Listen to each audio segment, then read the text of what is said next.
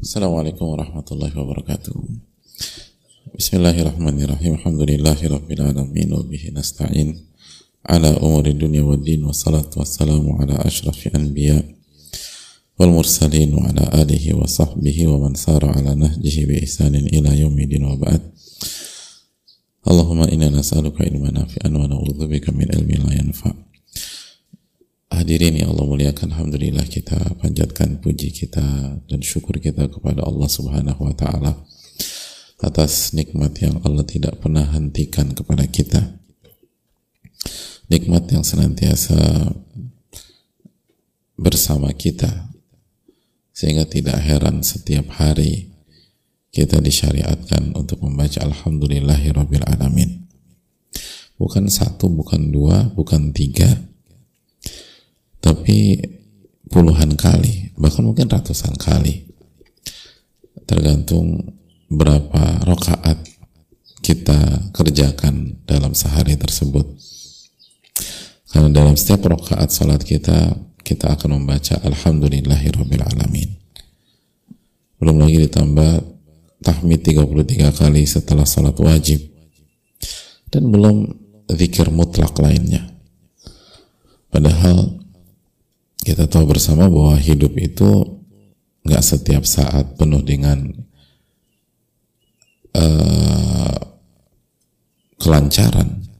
Ada aral, ada rintangan, ada masalah, ada ada musibah, ada sakit, ada terpuruk, ada saat uh, bisnis kita tidak berjalan, ada saat uh, silang pendapat atau mungkin terjadi sedikit pertengkaran dengan istri atau dengan suami uh, ada silang pendapat dengan anak anak nggak paham-paham maksud kita.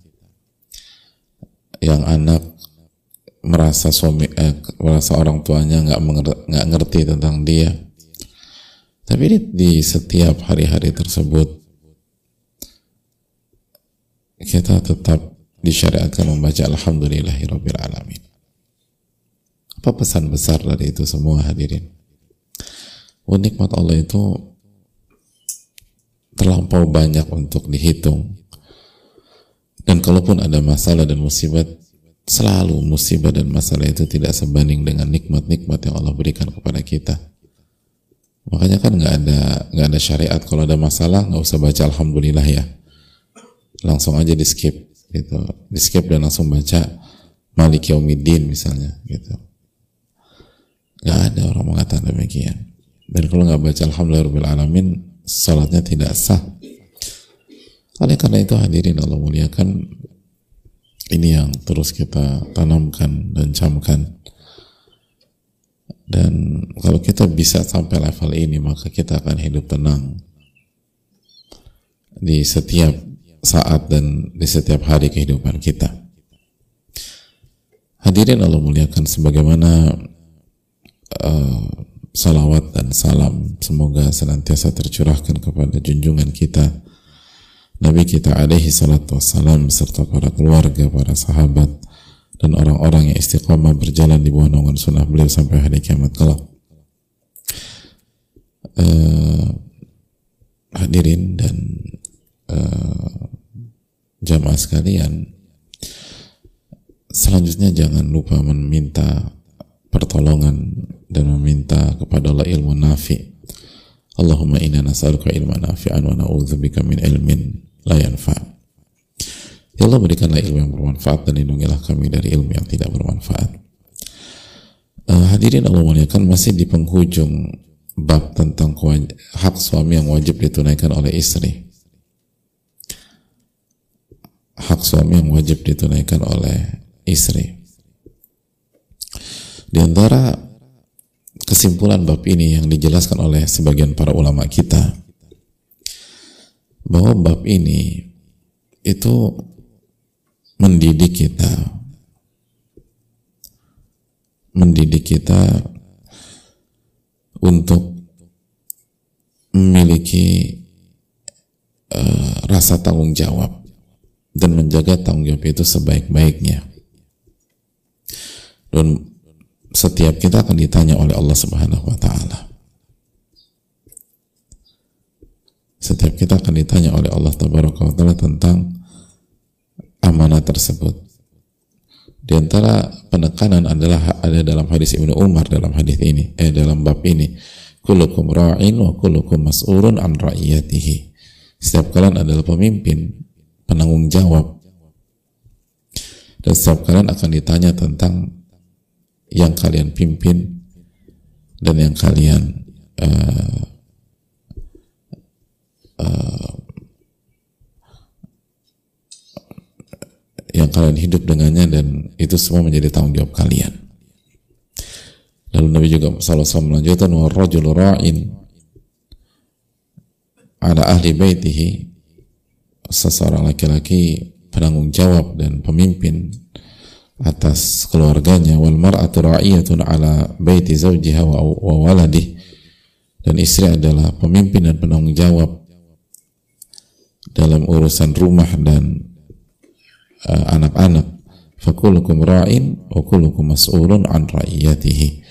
Maka setiap kalian adalah pemimpin setiap kalian penanggung jawab dan setiap kalian akan ditanya tentang pihak yang kalian pimpin dan serta tanggung jawab kalian. Uh, hadirin Allah muliakan, poinnya gini loh yang kemarin belum sempat kita tekankan bahwa bab ini khususnya hadis ini menjelaskan kepada kita bahwa hidup ini itu tentang tanggung jawab karena kullukum ra'in setiap kalian pemimpin sesuai dengan skop masing-masing dan kalian penanggung jawab sesuai skop masing-masing dan kalian akan ditanya oleh Allah Subhanahu wa taala tentang tanggung jawab kalian tersebut. Berarti hadirin salah satu PR kita adalah bagaimana memberikan edukasi ke anak kita, ke murid kita, ke siapa pun yang kita pegang, kita handle untuk berlatih memikul tanggung jawab untuk bertanggung jawab terhadap dirinya dan hal-hal yang berkaitan dengannya. Jadi belajar itu bukan hanya membaca saja. Belajar itu bukan hanya menulis. Belajar itu bukan hanya menghafal. Belajar itu bukan hanya mendengarkan atau memahami walaupun itu semua hal yang sangat penting dan uh, unsur-unsur uh, pokok. Tapi di antara belajar juga belajar tanggung jawab. Belajar tanggung jawab. Jika kita ingin memiliki uh, diri yang kuat ke depan maka kita harus latih diri kita bertanggung jawab. Kalau kita ingin punya anak yang kuat atau anak yang bisa memimpin sebuah skup besar maka dari kecil kita harus latih dia punya tanggung jawab. Dan kita kasih tanggung jawab buat dia. Dengan resiko rugi. Dengan resiko berantakan. Namanya juga belajar. Gitu loh. Kalau kita uh, ingin anak kita jago mengendarai mobil ya kita harus kasih kesempatan dia nyetir mobil. Dan resikonya mobilnya penyok-penyok mobilnya uh, nabrak-nabrak. Itu resiko. Ya itu resiko belajar. Itu harga yang harus dibayar untuk sebuah skill dan keahlian. Dan begitu juga kalau kita ingin anak kita bertanggung jawab murid kita bertanggung jawab ya kita harus ambil resiko itu. Kita harus kasih dia tanggung jawab walaupun dalam proses belajarnya akan ada masalah inilah masalah itulah kita rugi inilah, kita rugi itulah, ada yang rusak lah. Tapi lagi-lagi itu uh, harga yang harus dibayar untuk sebuah skill yang sangat mahal dalam kehidupan yaitu tanggung jawab. Itu tanggung jawab. Itu mahal banget. Dan dari sini bahwa belajar itu bukan hanya uh, hal yang didominasi oleh laki-laki wanita pun dalam Islam harus belajar.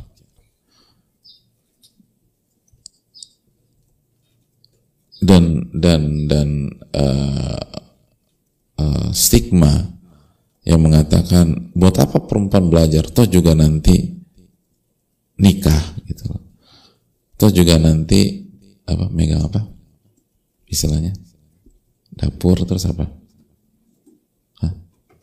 Apa istilah itu? Sebagian baik Hah? Hah? sumur terus?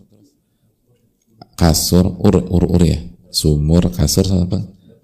Dapur ya betul. Singkatnya ini pak? Ada loh kasur. Kasur sumur dapur. Ini gaya, ini bahasa itu, itu apa ini milenial nggak jelas mana ada sumur di rumahnya orang.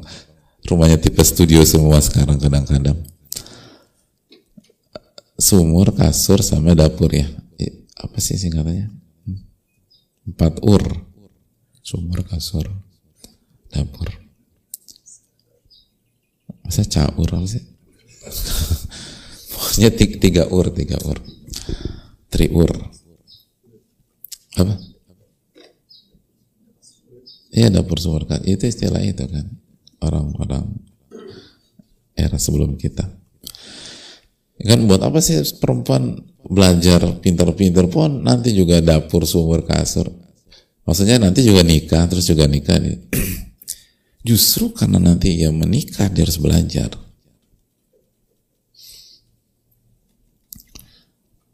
Justru karena dia akan ngurus rumah dia itu dia harus belajar tanggung jawab.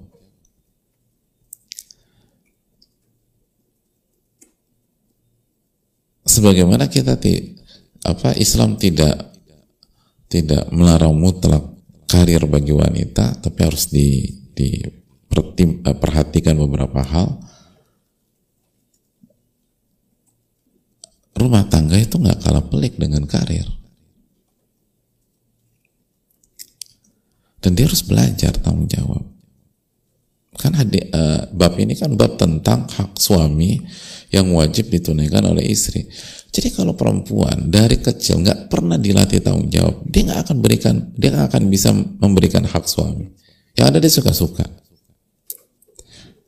yang ada dia bersikap sebagai princess. Kenapa? Dia nggak pernah diajarin tanggung jawab. Dia nggak ngerti. Dan nanti dia akan berhadapan dengan suami dan semakin semakin berkualitas suaminya kan semua wanita kan ingin dapat suami suami yang berkualitas gitu loh semakin berkualitas suaminya semakin sulit untuk mengimbangi suami tersebut dan itu kan kaidah berlaku di mana pun. Semakin jago bos kita, kita sebagai staff semakin sulit mengimbangi dia. Karena bos kita punya standar, punya gaya hidup dan segala macam yang sangat tinggi. Di dunia olahraga, semakin hebat pelatih dan coach kita, semakin sulit ngimbangin dia. Karena schedule latihannya padat, disiplin, bla bla bla sama. Semakin hebat suami kita tuh semakin sulit untuk ngimbangin. Semakin hebat ayah kita, itu semakin sulit kita ngimbangin beliau. Dan semakin sulit ngebaca pemikiran beliau. Makanya kan apa anak-anak tuh suka miskomunikasi dan salah paham dengan ayahnya yang jago beneran gitu. Karena nggak nyambung. Karena untuk bisa sampai pola pikir ayahnya tersebut, ya ayahnya harus ngelewatin uh, puluhan tahun kehidupan. Ya anak belum pernah ngelewatin hal yang dia lewati ayahnya. Dan bisa jadi cerdasnya nggak secerdas ayahnya juga. Kalaupun cerdasnya kayak ayahnya atau lebih cerdas, pengalaman kan nggak bohong, kehidupan nggak bohong. Dan data yang didapatkan juga beda. Jadi kita kembali lagi kalau makanya kalau wanita tidak pernah dididik untuk memiliki tanggung jawab, maka dia nggak akan bisa jadi istri. nggak akan bisa jadi istri. Makanya kan salah satu hal yang suka yang dilupakan ketika bisa proses pernikahan dan seterusnya. Pertanyaan, apa tanggung jawab yang selama ini Anda pikul? Dan bagaimana Anda menjalankan tanggung jawab tersebut? Kalau nggak ada, berat ya jadi. Apa tanggung jawab yang selama ini dipikul? Apa tanggung jawab yang selama ini dipegang? Lalu kita cek gimana track record dia dalam menjalankan tanggung jawab dan amanah tersebut. Kalau nggak ada tanggung jawab, oh itu rentan. Bisa jadi sukses, bukan berarti akan gagal. Tapi berarti kita meletakkan seseorang dan dia nggak punya pengalaman di bidang itu. Istri tentang tanggung jawab, sebagaimana suami tentang tanggung jawab. Jadi ulama mengatakan bab ini nih bab tentang edukasi tanggung jawab. Makanya kan dalam sejarah kita hadirin sekalian, orang tua orang tua hebat itu memberikan tanggung jawab besar di masa remaja anaknya dan dilepas. Lalu dipantau. Dan resikonya rugi besar. Tapi itu tadi, itu harga untuk sebuah kematangan dan harga untuk sebuah mental.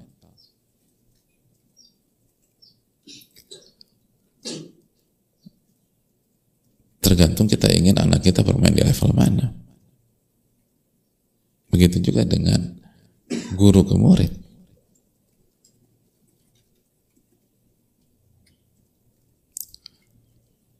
Ada salah satu apa uh, salah satu kiai yang karismatik di sebuah pondok. Itu muridnya lulus dari pondok tersebut lalu buat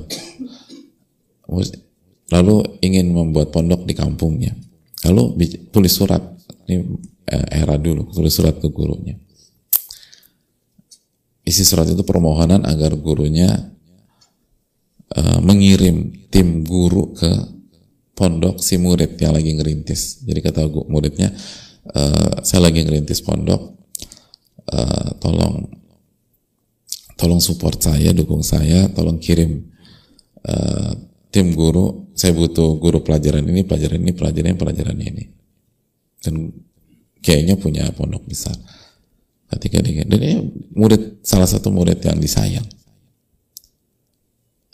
Apakah direspon positif? Quote and. Jawabannya direspon positif. Dikirim guru? Enggak Kata gurunya, kata kayaknya usaha sendiri. Tapi kapan pun kamu ingin diskusi tentang pondok, saya siap. Tapi kirim enggak. Coba pegang sendiri. Gak dikirim. Dan Alhamdulillah dengan tapi kalau berhasil murid ini. Apakah kuenya pelit? Enggak. Apa, apakah kayaknya nggak ingin ditak disaingi sama muridnya ketemu pondok? Enggak juga. Tapi gurunya ingin latih tanggung jawab. Artinya para pakar pendidikan dulu tuh jago-jago dalam masalah ini hadir. Makanya tarbiyatul mas'uliyah kata para ulama dalam bab ini. Kita harus ngedidik apa uh, mu uh, anak guru eh anak atau murid atau siapa pun mungkin kita punya uh, staff di kantor atau andalan nih kayaknya dia akan melanjutin ini kayaknya jadi suksesor saya. Yuk kasih tanggung jawab banyak. Dan resikonya ada yang gagal karena itu butuh proses. Gak mungkin setiap orang langsung sejago kita ya mungkin ada tapi anomali mayoritas orang butuh waktu dan kalau kita merasa kita punya masalah dalam masalah ini atau dalam hal ini ya mulailah ngedidik diri kita untuk punya tanggung jawab mulai dari kecil Gitu loh. Latih diri kita punya tanggung jawab. Itu poin-poin yang berikutnya dalam masa tanggung jawab ini.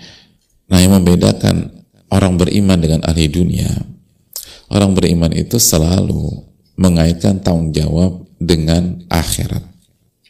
Dengan akhirat. Bukan hanya dengan dunia. Kalau ahli dunia tanggung jawab tapi dunia aja. Gitu loh. Anda harus tanggung jawab nanti Anda diaudit gitu loh dengan oleh misalnya oleh uh, akuntan publik atau segala macam. Terus nanti kalau Anda ini Anda akan dipenjara Anda bisa kena pasal A pasal B. Itu memang sistem yang harus dibuat hadirin. Tapi orang beriman nggak cukup hanya sampai di situ. Nggak cukup. Itu penting. Tapi itu nggak cukup. Fokus mereka ada yang lebih besar lagi yaitu pengadilan akhirat. Makanya kata Nabi SAW, kullukum ra'in wa kullukum mas'ulun an ra'iyatihi. Setiap kalian itu pemimpin, penanggung jawab, dan kalian pasti akan ditanya tentang pihak yang kalian pimpin tersebut. Pasti akan ditanya. Kalau di dunia belum tentu ditanya. Ada banyak orang yang gak bertanggung jawab itu uh, melangkah bebas di di bumi ini, di kehidupan tapi kalau akhirat pasti ditanya. Nah ini yang harus kita ingatkan terus. Diri kita, anak kita, murid kita, atau staf kita, atau bawahan kita, dan lain sebagainya. Kalian akan ditanya. Mungkin kalian bisa lolos dari saya. Mungkin saya sebagai ayah kalian gak tahu semua apa yang kalian kerjakan, tapi Allah tahu. Dan Allah akan tanya. Mungkin kalian bisa bermain di belakang saya. Saya sebagai guru nggak bisa monitor kalian 20, 24 jam. Tapi Allah tahu, Allah asamiul basir. Mungkin kalian lebih jago daripada saya sehingga kalian bisa memanipulasi kata seorang bos. Tapi Allah tahu. Dan Allah nggak akan biarkan kalian begitu saja di hari kiamat. Jadi pendekatan pertama adalah pendekatan iman. Iman kepada hari akhir. Iman kepada Allah tentu saja yang pertama. As-Sami'ul Basir iman kepada malaikat. Mayal min qawlin illa ladaihi atid. Apa pun yang kalian ucapkan akan dicatat oleh raqib dan atid. Iman kepada hari kiamat. Yomatu balas sarair pada hari itu semua perasaan akan disingkap. Jadi makanya pentingnya rukun iman itu bukan hanya dihafal tapi ditancapkan di dalam dada itu akan membuat orang tuh punya punya rasa tanggung jawab yang besar dan akan amanat dalam dalam tanggung jawabnya.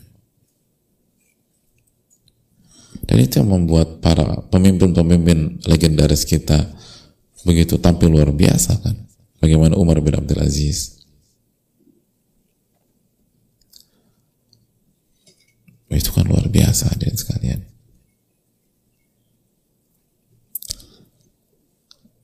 Kok bisa demikian beliau itu? Jawabannya karena beliau yakin beliau akan ditanya oleh Allah. Akan ditanya oleh Allah Subhanahu wa taala. Makanya akan diriwayatkan sebagian pemimpin uh, dan uh, orang-orang besar kita itu sangat hati-hati kan Ya Umar aja sampai mengatakan kalau ada binatang atau onta yang uh, bahasa kita kecelakaan karena uh, saya lalai dalam membangun infrastruktur maka Umar akan ditanya pada hari kiamat. Unta kecelakaan unta unta bukan manusia unta. Gara-gara kelalaian saya saya akan ditanya Begitu juga dengan orang-orang besar dari sisi ilmu ulama. Kenapa para ulama takut dalam berfatwa? Bukan nggak berani berhadapan dengan manusia dan nggak tertarik dengan uh, apa bersaing dalam dalam dalam cari panggung atau tampil. Karena mereka tahu setiap fatwa yang mereka keluarkan akan ditanya oleh Allah Pokoknya ulama dulu kan sampai sekarang tentu saja. Ulama-ulama Rabbani itu ber, itu sangat senang jika saudaranya menjawab pertanyaan, saudaranya yang tampil, saudaranya yang dapat panggung, senang itu mereka. Kenapa demikian? Semoga saya pertanyaannya mudah pada hari kiamat. Jadi itu yang membuat mereka sangat sangat hati-hati, sangat menjaga. Karena mereka tahu tanggung jawab itu besar dan semua akan ditanya di hadapan Rabbul Alamin.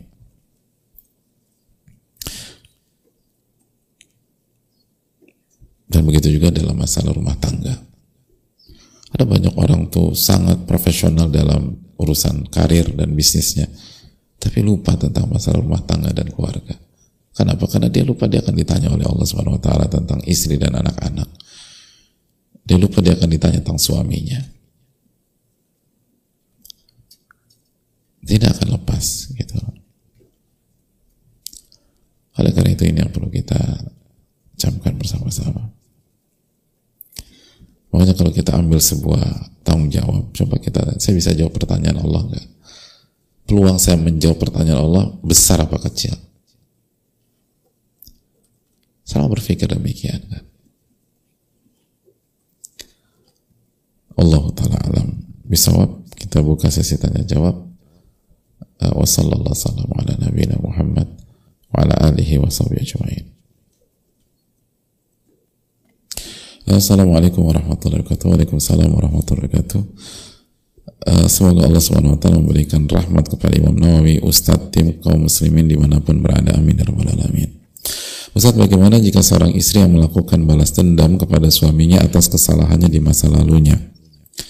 Jazakallah khairan kathiran Ustaz wala uh, Wassalamualaikum warahmatullahi wabarakatuh. Waalaikumsalam warahmatullahi wabarakatuh. Wa iyyakum. Uh, Hadirin Allah muliakan. Uh, Membalas dengan setimpal itu uh, ada pembahasannya di dalam di dalam Islam, di dalam fikih. Tapi tidak secara mutlak.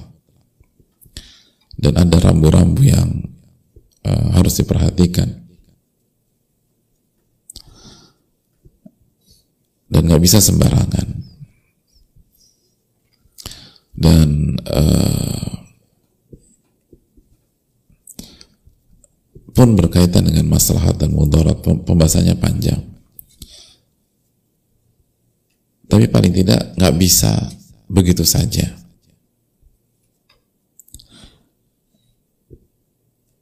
Contoh misalnya dalam kasus yang kasus banyak rumah tangga, misalnya suami selingkuh, lalu istri dendam, istri mau selingkuh juga jelas nggak diperbolehkan itu hadirin.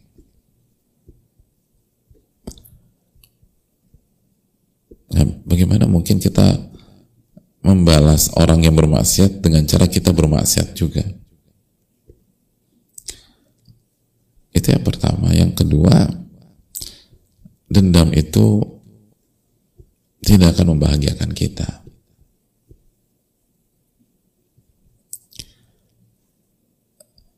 Ap, apa namanya?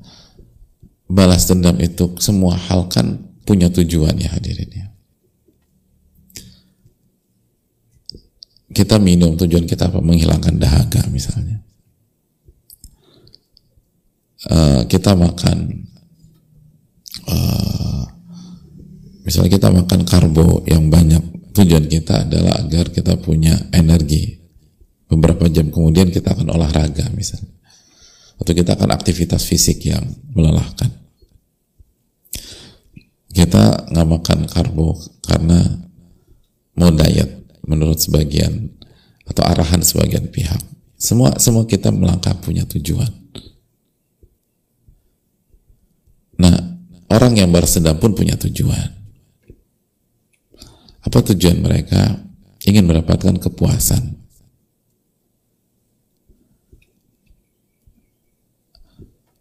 Dan ujung-ujungnya kalau kata Ibnu Hazm rahimahullah taala masih ingat gak?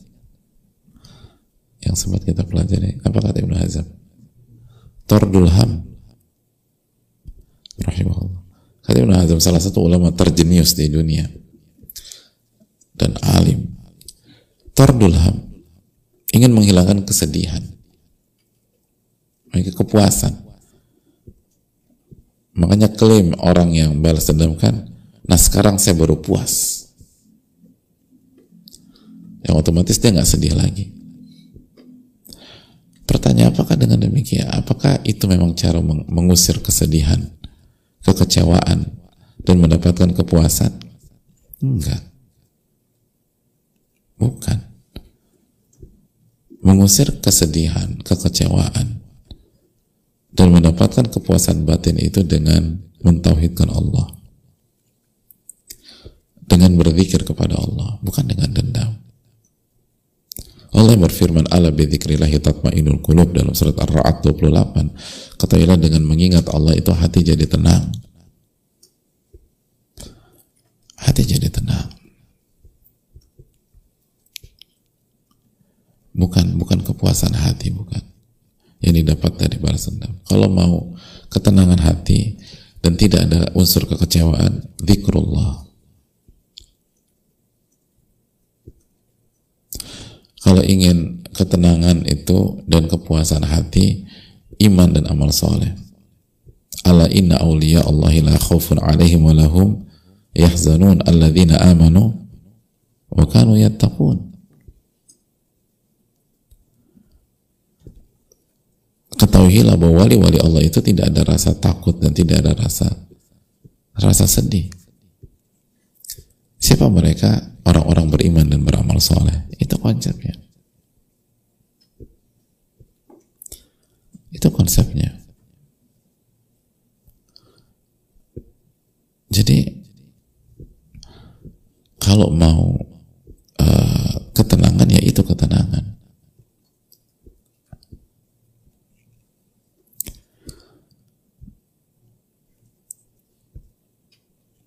Ketenangan itu dengan tidak melakukan kesyirikan hadirin. Bukan dengan membalas dendam. Allah berfirman dalam surat Al-An'am ayat 82 Alladzina amanu wa lam yalbisu imanahum bidzulmin ulaika lahumul amnu wa hum muhtadun.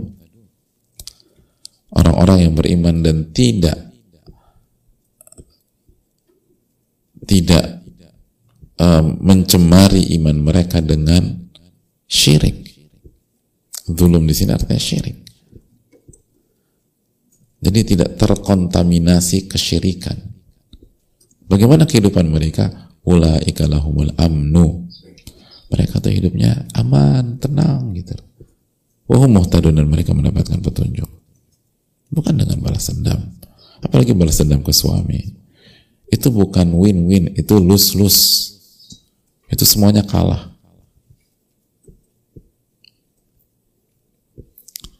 Kalau mau tenang kembali kepada Allah.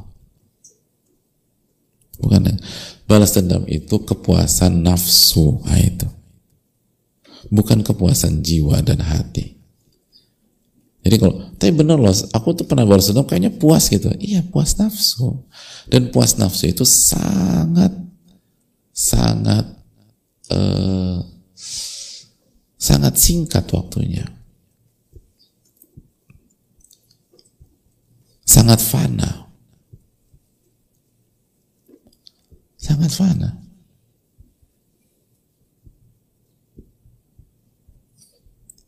Habis itu berantakan semuanya. Bahasa dendam itu sama aja kasih panggung ke syahwat dan nafsu Anda. Nafsu itu harus dikontrol.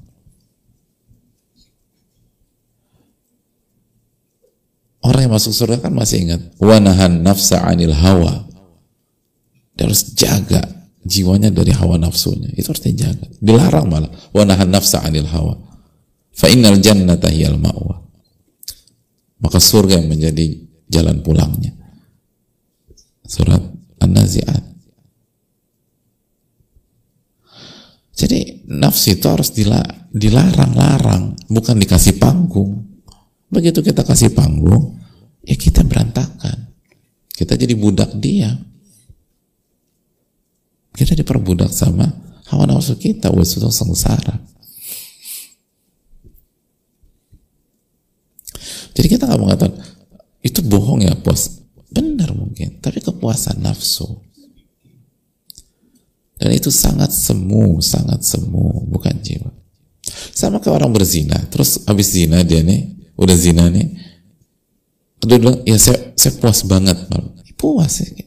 tapi puas apa itu? Puas nafsu. Apakah langgeng lama? Enggak. Apakah jiwanya tenang dengan zina? Enggak. Justru tambah hancur. Nasallallahu jadi yang harus dilakukan ketika pasangan melakukan kesalahan adalah kembali kepada Allah al-luju ilallah minta ampun sama Allah yang minta ampun saya atau pasangan saya Pak Ustaz? Dua-duanya lah. Ya pasangan kita jelas-jelas salah. Kalau saya kenapa? Kalau kita karena Allah berfirman surat Asy-Syura 30 wa ma'asabakum min musibatin fa bima kasabat aydikum. Apa pun yang menimpa kalian itu pasti ada andil dari kesalahan kalian. Emangnya kita nggak punya dosa sama Allah? Emang dosa hanya dalam satu kasus? Apakah dosa itu hanya kotak perselingkuhan? Kadang-kadang kita hanya berpikir dosa itu hanya satu satu satu kotak, perlu dosa itu banyak. Oke, kita, dalam kot, dalam memang dalam kasus ini suami kita yang salah. Tapi memang kasus kehidupan atau kotak kehidupan hanya satu kotak itu aja. Terus kita nggak pernah salah.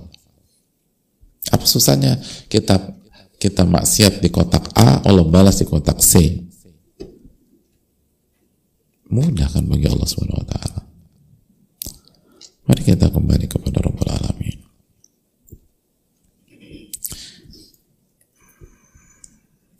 Dan ingat interaksi antara kita, suami kita atau istri kita itu ujian kesabaran.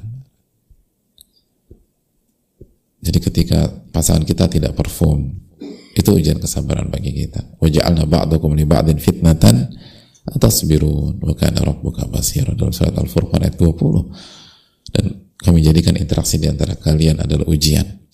Sabar nggak kalian? Dan Rabb kalian maha melihat.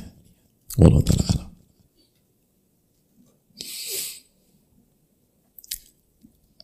Assalamualaikum warahmatullahi wabarakatuh. Waalaikumsalam warahmatullahi wabarakatuh. Semoga Allah senantiasa merahmati Imam Nawawi beserta keluarga beliau, begitu juga dengan ustadz, keluarga serta tim. Semoga Allah memanjangkan umurnya dalam ketaatan dan amal soleh. Amin ya rabbal alamin. Izin bertanya Ustadz, apakah salah jika kita sebagai istri saat melayani suami, kita sambil mengingatkan, jadi istri melayani suami lalu ngingetin suami, bukannya bukannya nggak ikhlas, tapi kan lebih baik kalau kita sebagai istri mendengar ucapan terima kasih dari suami. Hitung-hitung sedekah menyenangkan hati istri. Hmm. Uh, baru suami sadar untuk berterima kasih. Sebab kalau sebab kadang kalau sudah fokus suami lupa untuk melakukan hal-hal yang mungkin dianggap kecil seperti itu. Maksudnya agar kita sama-sama seneng gitu Ustadz sebagai suami istri. Apakah itu tetap terhitung gak ikhlas jazakallahu khairan? Gini loh hadirin Allah muliakan. Uh, saling menasehati antara suami istri agar kedua belah pihak menjadi pribadi yang bersyukur itu itu bagus. Dan itu salah satu core salah satu asasnya rumah tangga. Sebagian ulama mengatakan bahwa salah satu pondasi rumah tangga adalah firman Allah wa ta'awanu 'alal birri wa taqwa. Dan saling tolong menolonglah kalian di atas kebaikan dan ketakwaan. Dan salah satu kebaikan dan ketakwaan adalah rasa syukur dan saling tolong menolong agar agar suami istri bersyukur itu hal yang positif. Dan Nabi SAW juga bersabda adinu nasiha, agama itu nasihat. Jadi menasehati suami atau menasehati istri agar bersyukur itu hal yang positif. Tapi yang perlu kita camkan adalah yang pertama, jadi ini jelas ya, tolong menolong untuk saling bersyukur itu disyariatkan.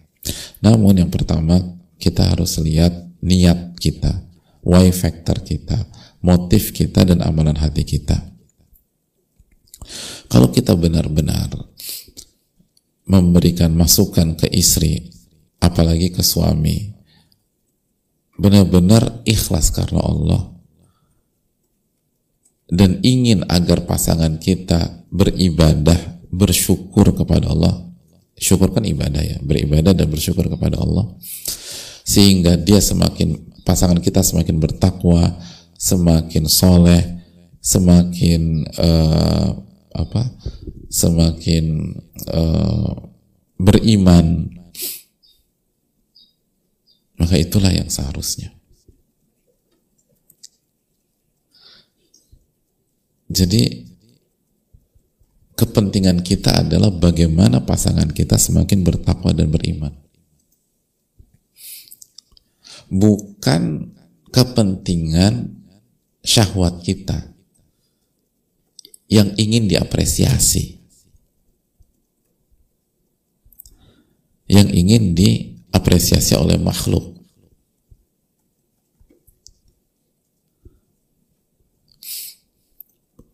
Bukan itu. Dan itu tipis loh.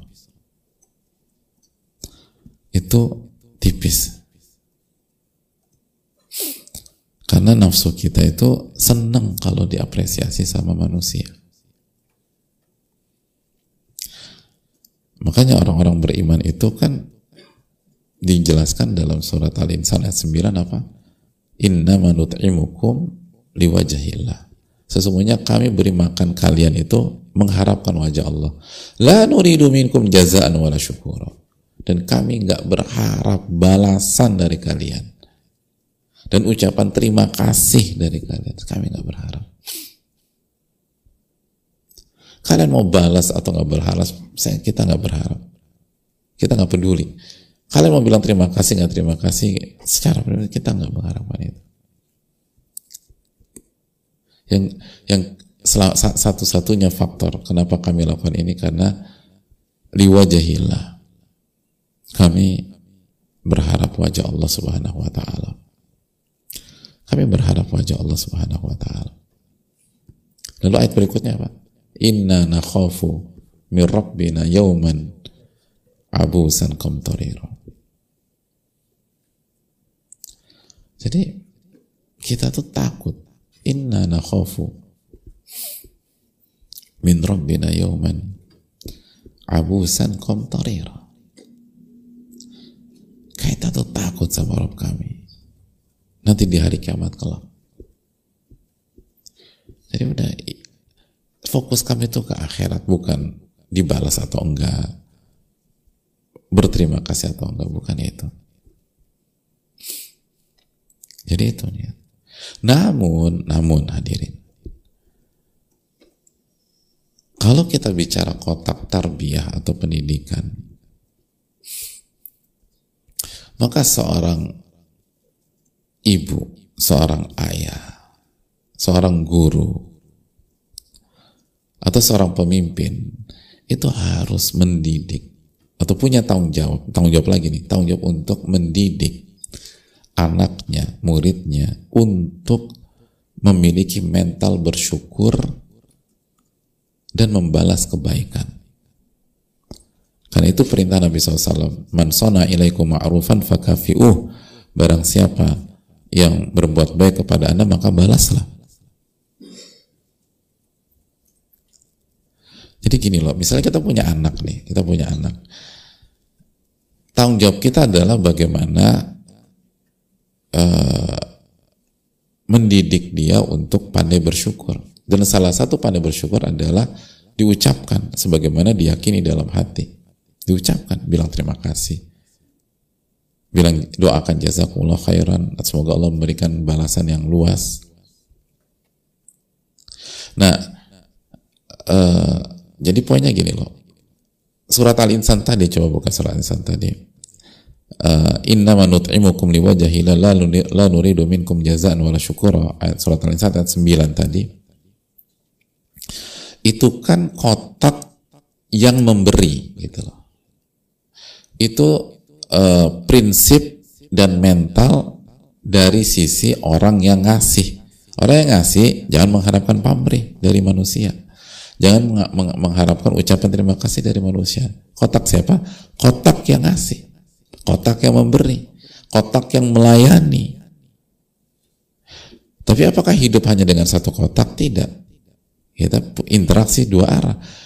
Di sisi yang berseberangan atau di sisi yang lain, yang tepat di sisi yang lain, di kutub yang lain, ada kotak yang menerima, gitu, pihak yang menerima, pihak yang dikasih, pihak yang dilayani. Nah itu tugasnya beda dengan dengan yang memberi. Yang memberi punya tugas tersendiri, yang menerima punya tugas tersendiri. Nah, salah satu tugas dan uh, apa syariat bagi yang pihak menerima, dia harus bilang terima kasih. Bahkan bukan hanya terima kasih, dia berpikir bagaimana saya bisa membalas jasa orang ini. Seorang anak harus punya mental bagaimana saya balas budi ke orang tua saya. Saya berbakti sama orang tua saya. Dan saya berterima kasih kepada orang tua saya. Seorang murid harus berpikir dan harus punya mental bagaimana saya balas budi ke guru saya. Bagaimana saya ber, berkhidmat atau berbakti sama guru saya dan bagaimana saya berterima kasih kepada guru saya. Karena kalau enggak ya enggak berkah hidup. Nah, siapa pihak yang punya apa tanggung jawab untuk mendidik hal tersebut ke seorang anak? Yang pertama kali orang tuanya. Maka salah satu tugas orang tua adalah menanamkan dan mendidik mental berterima kasih, mental bersyukur. Salah satu tugas orang tua adalah bagaimana mendidik anaknya agar birul walidain, berbakti sama orang tua. Karena salah satu syarat jadi orang bertakwa apa? Birul walidain. Emang ada orang bertakwa durhaka sama orang tua? Gak ada kan. Itu syarat mutlak, dia harus birul walidain. Baru dia dapat predikat takwa setelah hablum minallah. Nah, di sini irisannya gitu loh. Di sini ujiannya, ini tipis loh. Bagaimana orang tua mendidik anaknya untuk bersyukur dan berbakti kepada orang tua secara objektif. Karena dia ingin anaknya bertakwa dan menjadi pribadi yang bersyukur. Bukan karena motif hawa nafsu yang ingin diapresiasi, dibalas dan dipuji. Nah, itu. Itu tipis tuh. Itu niat benar-benar uh, oh itu kalau geser dikit ah, kita kasih panggung kawan nafsu kita. Sama kayak guru kan. Gimana mendidik nih murid-murid agar bersyukur, agar berbakti. Tapi untuk kepentingan muridnya tersebut. Bukan karena hawa nafsu yang ingin diapresiasi. E, cara ngebedainnya gimana Pak Ustadz? Cara ngebedainnya, makanya lo kan uji kan kita. Cara bedainnya adalah ketika anak kita atau murid kita atau bawaan kita tidak perform dalam masalah ini. Artinya nggak bersyukur, nggak bilang terima kasih. Atau suami kita nih tadi nggak bilang terima kasih. Nah, pengaruh ke hati kita apa enggak?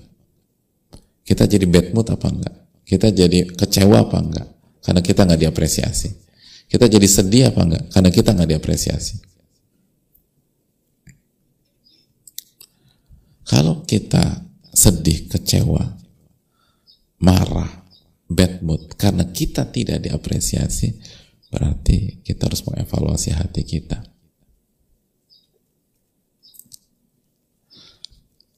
Tapi kalau kita tetap tenang, walaupun anak kita nggak nggak mengapresiasi kita, tetap tenang. Bahkan kita memberikan uzur kepada anak kita, kepada suami kita, atau kepada murid kita. Memang butuh waktu. Butuh waktu. Atau bahkan mungkin kita menyalahkan diri kita. Mungkin kita sebagai ayah, sebagai ibu, sebagai guru, sebagai pemimpin belum maksimal dalam mentarbiah mereka. Dan kalaupun ada sedih kita sedih karena ini bahaya buat mereka. Kan kalau orang nggak bersyukur kan apa kata Allah? La in syakartum la zidanakum wa in kafartum Inna adzabillah syadid. Kalau kalian bersyukur, aku akan tambah. Kalau kalian kufur, adabku sangat pedih. Nah kita sedih, semoga dia nggak kena ayat itu. Nah ini baru pihak yang jujur dan ikhlas. Pihak yang jujur dan ikhlas. Dan hidupnya akan nyaman. Karena hatinya tidak disandra oleh respon manusia. Karena kalau sampai hati kita tersandra oleh respon manusia, oleh apresiasi manusia, capek hidup ini hadirin. Kalau manusia muji kita senang, kalau manusia tidak memuji apalagi mengkritik kita baper dan sedih. emang enak hidup kayak begitu nggak enak makanya hati itu harus bertauhid sehingga kita merdeka dari tawanan-tawanan sikap manusia kepada kita. Nggak mudah tapi dengan belajar dan bertauhid insya Allah Allah memberikan taufik. Allah taala bisa makanya eh, guru-guru kita dulu atau kiai-kiai kita dulu itu dalam beberapa kasus tuh ketika menghadapi murid yang bandel dan seterusnya. Apa kata mereka? Kata mereka suatu saat murid ini akan kembali lagi ke sini. Gitu. Insya Allah taala. Jadi baca gitu. Satu saat dia akan mengerti dan akan kembali lagi ke sini insya Allah ketika ngadepin murid yang bandel keras kepala sok tahu. Itu sebagian apa guru-guru yang ikhlas yang kayak yang ikhlas itu pendidik itu dia insya Allah satu saat dia akan mengerti apa yang saya sampaikan padahal udah di Padahal muridnya udah suara tinggi nih sama kiainya, udah kurang ajar. Langsung kabur gitu dari pondok atau kabur dari sekolah. Itu ada sebagian kita kita mendengar ucapannya gitu loh. Gak bilang dasar murid durhaka. Nanti biar saya kutuk jadi kodok dan seterusnya. Ya enggak lah. Itu bahasa insya Allah suatu saat dia akan kembali lagi ke sini. Dan bagaimana jiwa-jiwa besar itu. Padahal udah dikurang ajarin, udah ini. Tapi bahasanya gitu. Insya Allah suatu saat dia akan mengerti. Itu bahasanya ada guru-guru. Sepertinya dia butuh waktu untuk mengerti konsep ini. Insya Allah dengan berjalannya kehidupan dia akan mengerti dan dia akan kembali. Perlu ditinggalin, tapi masih bicara demikian. Dan ketika muridnya kembali benar, itu benar-benar dibuka dengan tangan hampa. Dan nggak dibahas lagi sering kali. Dia bilang, tuh kan, tuh, tuh kan, uh, bro, uh, sadar kan lo, uh, dari dulu ke mana aja. Dia bilang gitu.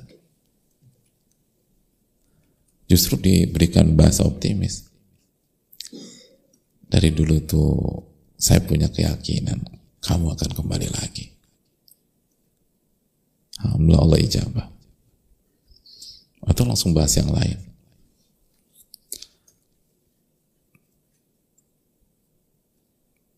atau ada guru bilang saya sudah saya sudah nunggu kamu sejak lama mari kita uh, kembali mendidik dan berjuang dalam pendidikan bersama-sama gitu bahasanya karena mereka tuh guru-guru kehidupan hadirin beda guru-guru itu tuh marahnya tuh marah sayang marah ngedidik bahkan kalau ngusir pun tuh karena itu tadi ingin kasih tanggung jawab dan seterusnya. Dan semua ada takarannya. Ada takarannya. Mereka juga nggak nggak pakai kekerasan, nggak nggak pakai kekerasan, nggak mencederai, nggak. Tapi tapi tegas gitu. Dan itu tadi. Begitu di belakang muridnya kan bilang, Insya Allah suatu saat dia akan mengerti apa yang saya sampaikan. Dan dia akan kembali lagi ke sini biidzillah. Itu hadirin. Nah bisa nggak kita sebagai orang tua tuh begitu? Debat keras sama anak tuh. Insya Allah suatu saat dia akan ngerti. Biasa anak muda. Dulu saya waktu muda lebih lebih nggak jelas daripada dia. Ya dulu lumayan lah Dulu waktu saya muda saya nggak punya lawan bicara sebagaimana dia punya saya gitu loh. Mungkin karena ayah kita nggak nggak apa nggak nggak seperti kita gitu loh. Dikasih Allahnya. Tapi sekarang dia punya saya. Mungkin dia butuh waktu. Gitu lah dia. Ada orang tua yang bijak tuh anak udah ngotot sengotot ngototnya udah ini prinsip ini prinsip gitu nggak bisa gitu. Saya prinsip gitu. Ini jalan hidup saya. Itu ibunya di belakang cuma bilang ya itu kan kesimpulan anak usia 21 tahun gitu. Gitu aja. Nanti juga berapa hari, eh, berapa tahun kemudian berubah lagi prinsipnya. Dan benar berubah gitu loh. Emang prinsip kita di usia 20 tahun, 21 tahun dengan sekarang sama? Hah? Sama nggak? Ya antum bingung lah antum baru-baru 20 tahun gitu. Coba tanya siapa di sini ah, yang sepuh-sepuh. Beda gitu. Dan kayaknya di usia 20 tahun tuh kayaknya kita yakin banget ini tuh kebenaran. Eh ternyata enggak gitu. Ternyata ini bukan sebuah hal yang terlalu penting. Padahal kita merasa penting banget. Ya hidup kan begitu jangan. Gitu. Allah Ta'ala bisa. Makanya kan kita harus terus belajar. Dan harus terus merendah. Gitu. Dan seke, dan seporsinya aja nyikapin uh, banyak hal di dunia ini. Ini bisa disampaikan jazakallahu khairan wa sallallahu alaihi Muhammad wa ala alihi wa Wa ba'd. Subhanaka la anta astaghfiruka wa atubu. Assalamualaikum warahmatullahi wabarakatuh. Alhamdulillah, atas taufik dari Allah Subhanahu wa taala, kegiatan Muhajir Project Tilawah hingga saat ini berjalan dengan 43 guru, 718 peserta hits, 64 peserta mahir, 234 peserta hirs. Saudaraku, dengan memohon pertolongan Allah Subhanahu wa taala, Muhajir Project Tilawah membuka kesempatan bagi kita semua untuk berjuang bersama dalam memberantas buta huruf Al-Quran dan program belajar di berbagai jenjang. Program yang dilaksanakan di antaranya meliputi pembinaan murid program HITS, Halaqah Iqra dan Tajwid Spesial, pembinaan pengajar Al-Quran Muhajir Project Tilawah, program Halaqah Iqra Ramadan Spesial, HIRS, program Halaqah Tahsin Al-Fatihah, program kelas bahasa Al-Quran, program pembinaan Dai Islam, serta program lainnya. Belajar dan mengajarkan Al-Quran merupakan amal soleh yang penuh dengan pahala jariah, insya Allah. Bahkan, Rasulullah Shallallahu Alaihi Wasallam menyebut umatnya yang belajar dan mengajarkan Al-Quran sebagai manusia terbaik. Dari Utsman bin Affan radhiyallahu anhu, beliau berkata bahwasanya Nabi Shallallahu Alaihi Wasallam bersabda, sebaik-baik orang di antara kamu adalah orang yang belajar Al-Quran dan mengajarkannya. Hadis riwayat Bukhari. Sampaikan dukungan terbaik kita semua ke Bank Syariah Indonesia 451 1111 811 166 atas nama Yayasan Muhajir Peduli Indonesia. Semoga Allah menerima amal kita semua. Follow Muhajir Project Tilawah di Facebook dan Instagram at Muhajir Project Tilawah.